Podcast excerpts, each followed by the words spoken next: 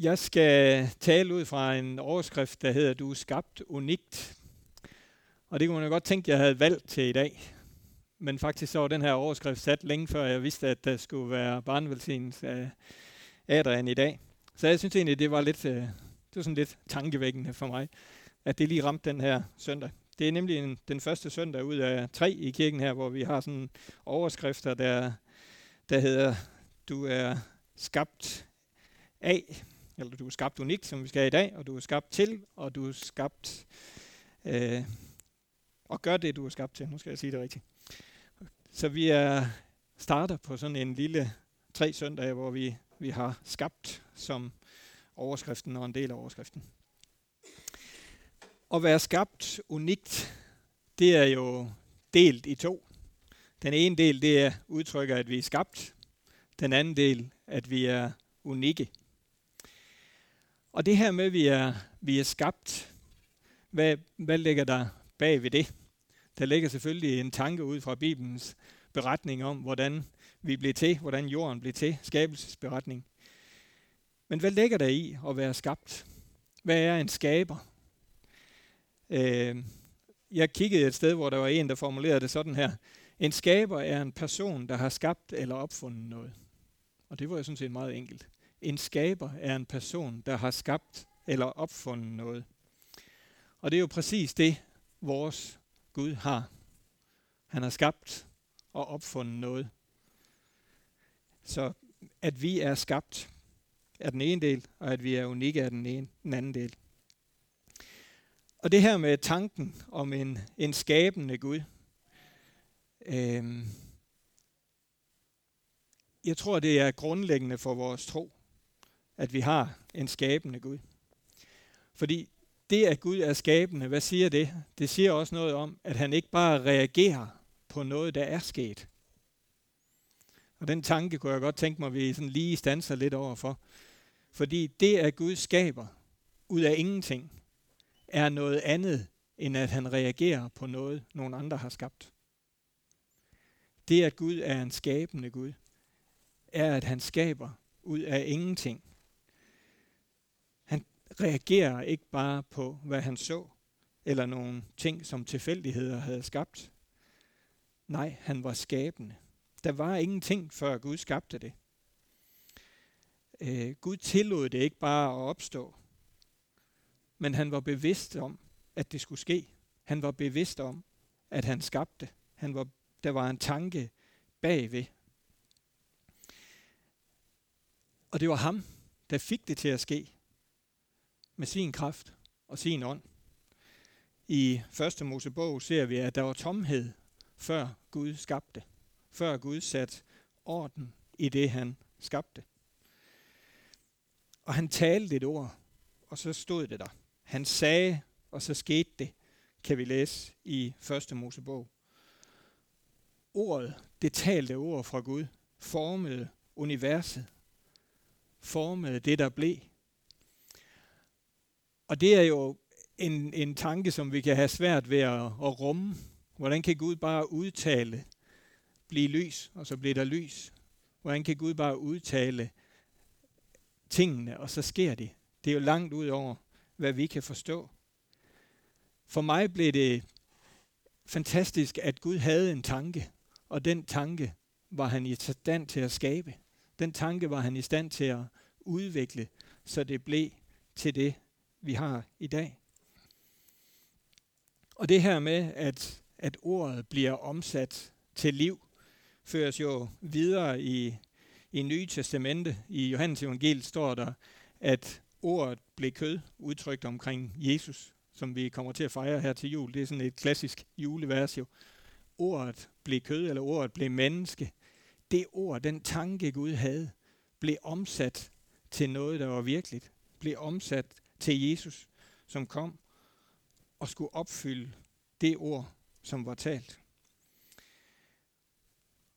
Og det var ikke bare, at der opstod noget fysisk ved det Gud talte, som i skabelsen og igennem Jesus.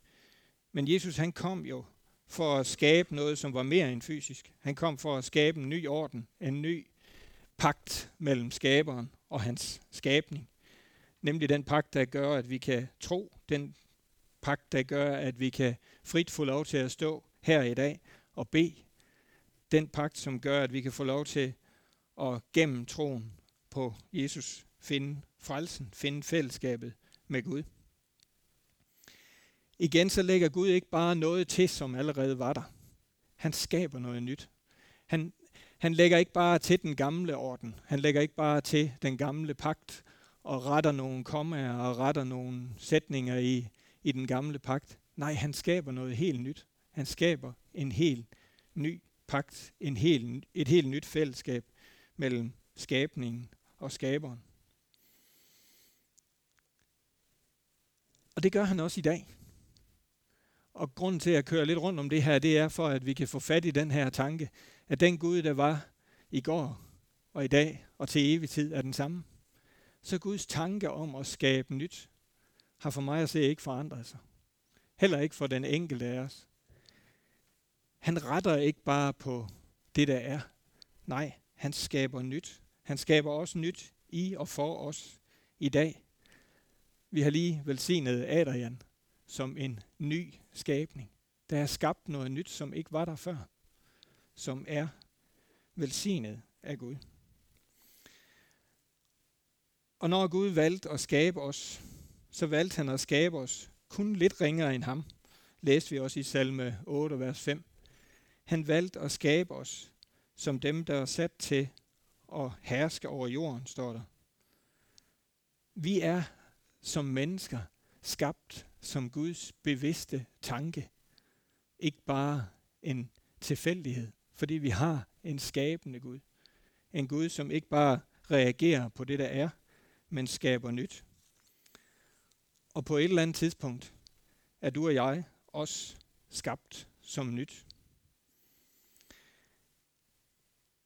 Det, at vi hører til der, det at Bibelen siger, at vi er Guds tanke, vi er Guds ønske, opfylder, tror jeg, et, et behov, et ønske, som alle mennesker har.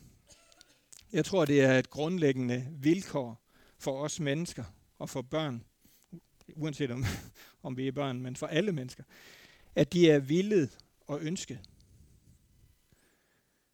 At vi er villet og ønsket, er et grundlæggende vilkår, som vi kan leve af alle sammen.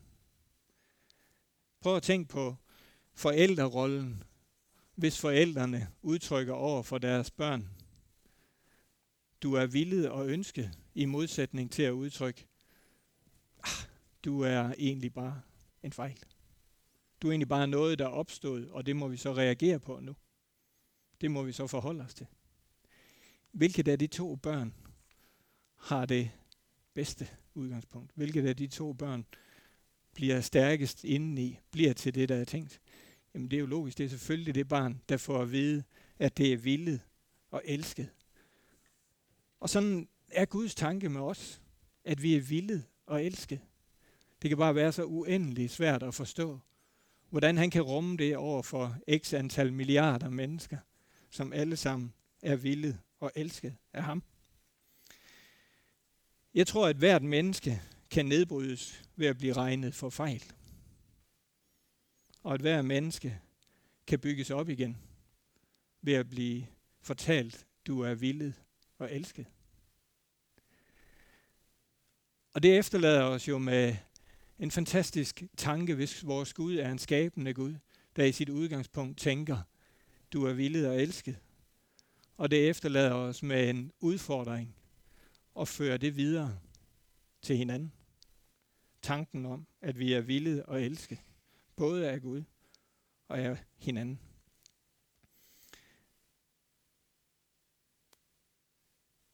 Gud ved, at vi har behov for at vide, at vi ikke er tilfældigheder. Vi læste salme 139 om, at vi var kendt af Gud helt fra vi blev dannet. Og jeg tænker, det er ikke, det er ikke det er ikke bare, øh, nå ja, kom det lige med i Bibelen.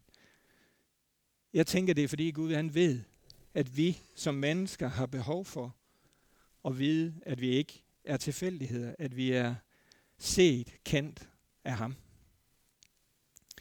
Og det her med at kende vores ophav, det er jo sådan et, et tema, der er taget op i diverse tv-programmer af nogen, der rejser ud for at finde et andet menneskes øh, forældre, eller hvor kommer jeg fra? Og når jeg har set nogle af de programmer, så har noget af det, som er sagt igen og igen og igen. Jeg kan ikke forklare, hvorfor, men jeg har behov for at vide, hvor jeg kommer fra. Det er sådan en sætning, der bliver sagt stort set af alle dem, som er med i de her programmer. Et udtryk for, at jeg har behov for at vide, hvor jeg kommer fra. Og det tænker jeg, det er Gud jo godt klar over, at vi har det behov. Både på det relationelle plan mellem forældre og børn, men også i forhold til ham. Han ved godt, at vi har behov for at vide, hvor vi kommer fra. Et dybfølt ønske om at vide, hvorfor er vi her? Hvorfor er jeg her? Det handler om, at der er en tanke med os.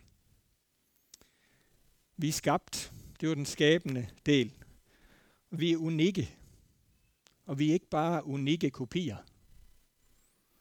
Fordi hvis nu du tager 30 kopier af den samme tekst, så hvis ellers du er nørdet nok, så kan du nok finde en eller anden lille blækklat sat af printeren, som gør, at den kopi er, er forskellig fra den, du tog lige før, hvis man sådan virkelig nørder sig ned i det. Men vi er ikke bare unikke kopier.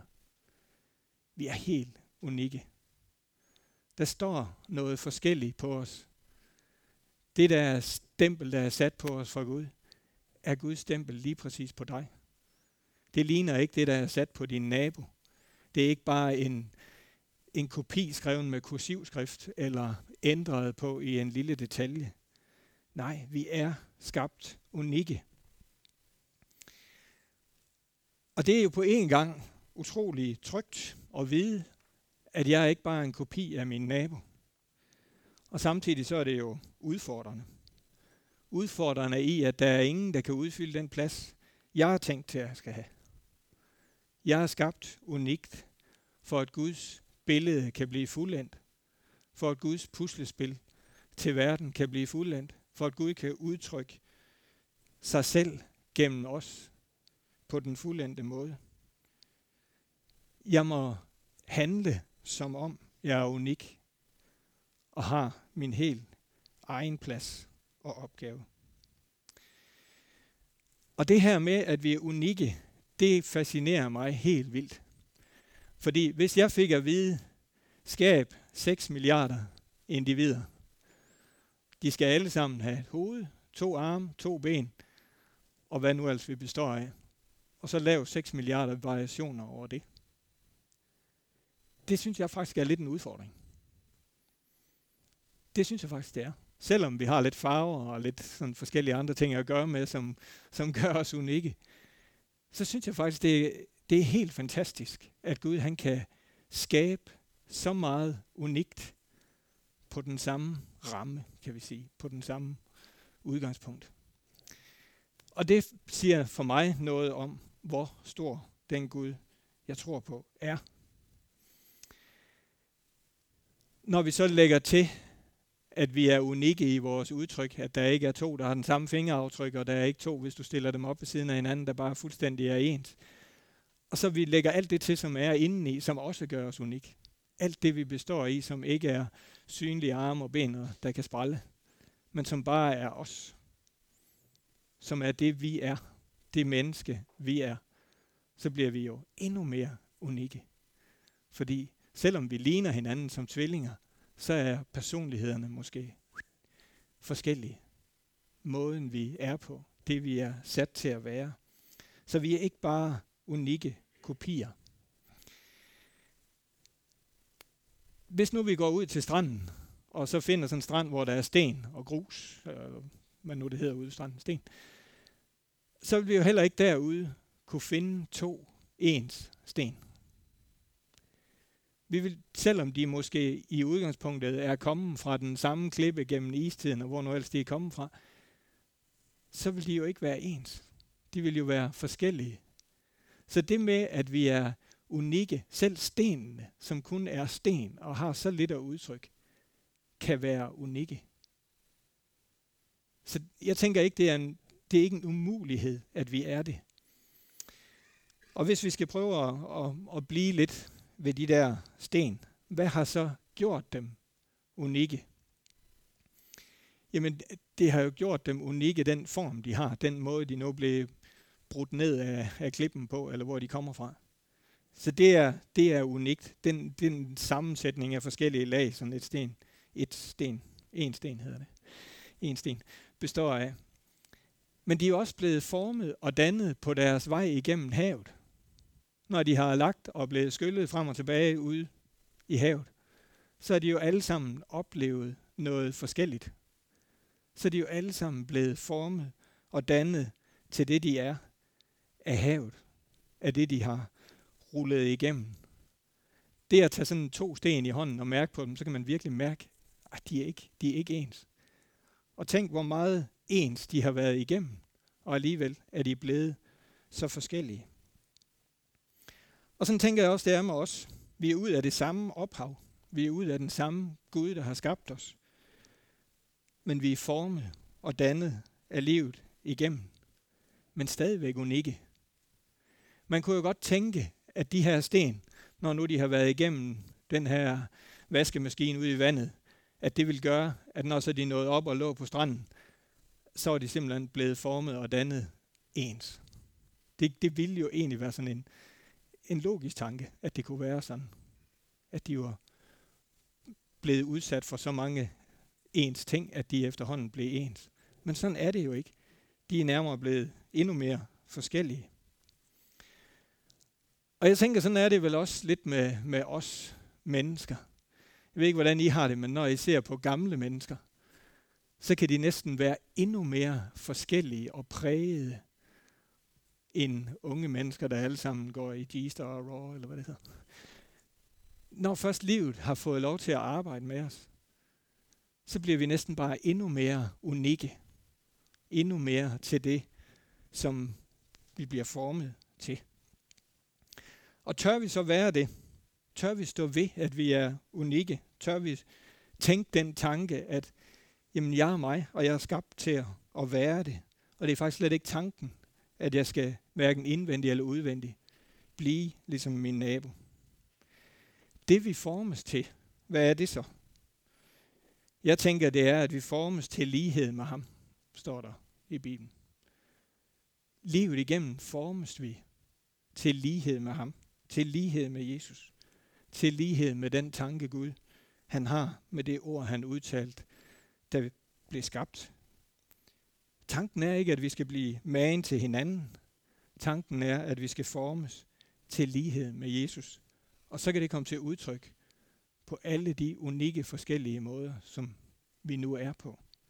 Der er ikke en regel for det, der er ikke en, en løsning.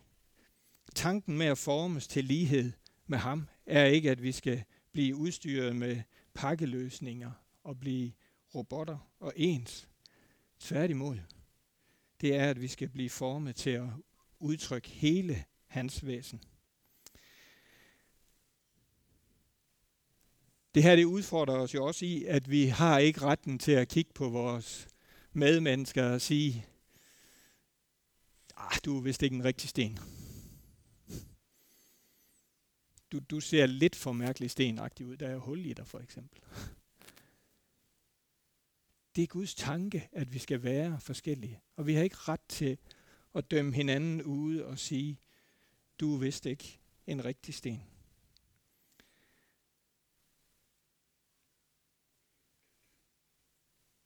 Hvis det her er rigtigt, hvis det er rigtigt, at vi er skabt som en grundtanke af Gud, at vi er skabt unikke så giver det vel også tanken, at den tro, jeg har, den måde, jeg udlever min tro på, har lov til at være unik. Så langt, som at jeg anerkender, hvem min skaber er, så langt som jeg anerkender, at han gennem Jesus skabte en ny pagt mellem skabningen og skaberen.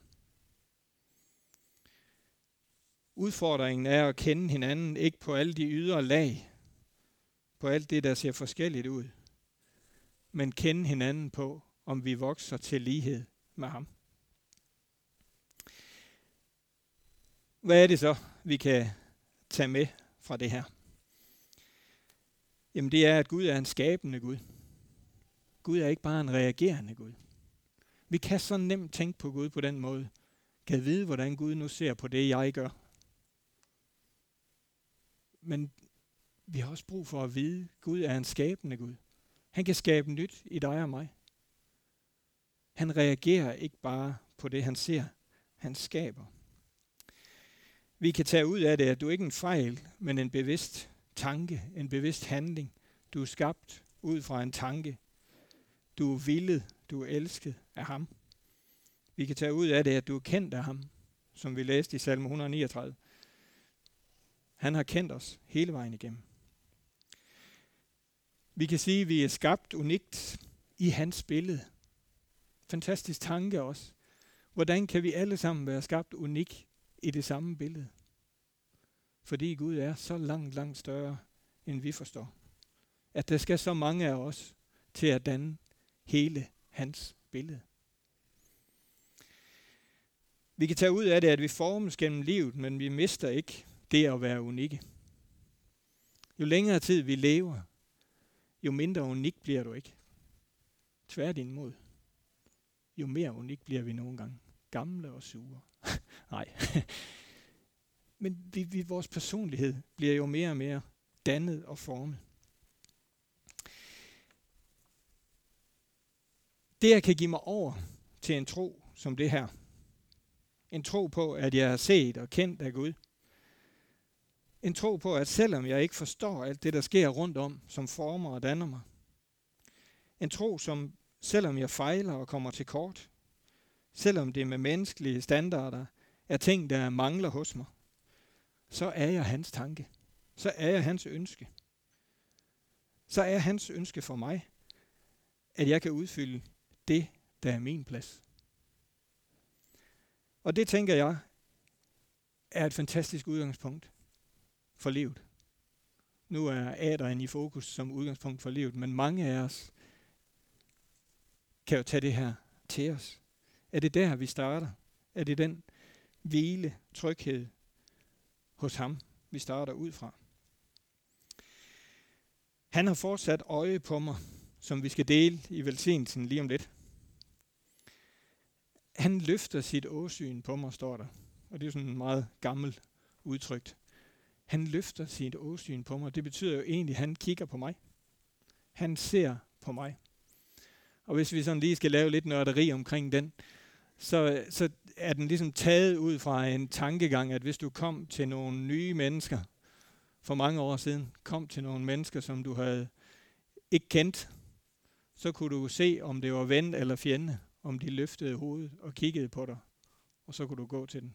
Hvis ikke de gjorde det, så må du regnes som fjende. Gud han har løftet sit åsyn på os som et udtryk for, at vi er regnet som venner. Vi er regnet som hans. Og han siger, kom bare, kom bare ind i mit fællesskab. Kom ind og bliv det, som jeg har skabt dig til at være, og ønsker fortsat at skabe dig til at være. Jeg ser dig, som du er. Jeg rækker min hånd ud til dig for at hjælpe dig og bevare dig. Også en del af velsignelsen lige om lidt. Herren bevarer dig. Og det er præcis det, han ønsker. At bevare dig. Ikke lave dig om til noget andet, end du er. Men få det frem i dig, som er hans tanke. Skal vi bede sammen? Far i himlen, tak fordi at vi her er under dit åsyn lige nu her. Vi kan få lov til at stå ind for dig, være kendt af dig, være villet af dig, være elsket af dig. Far, tak fordi at vi kan få lov til at se tilbage på, at du har en tanke, og ud fra den tanke skaber du her. Far, tak fordi at vi også i dag er der, at hvis vi ønsker at lægge os ind under under dig her. Gå ind til dig, så ønsker du også at skabe nyt i os. Far, vi beder om, at resten af den her dag og ugen, der kommer, må være, må være sådan, at vi ser din tanke for os. så vi får lov til at hvile i din tanke for os. Hver især. Amen.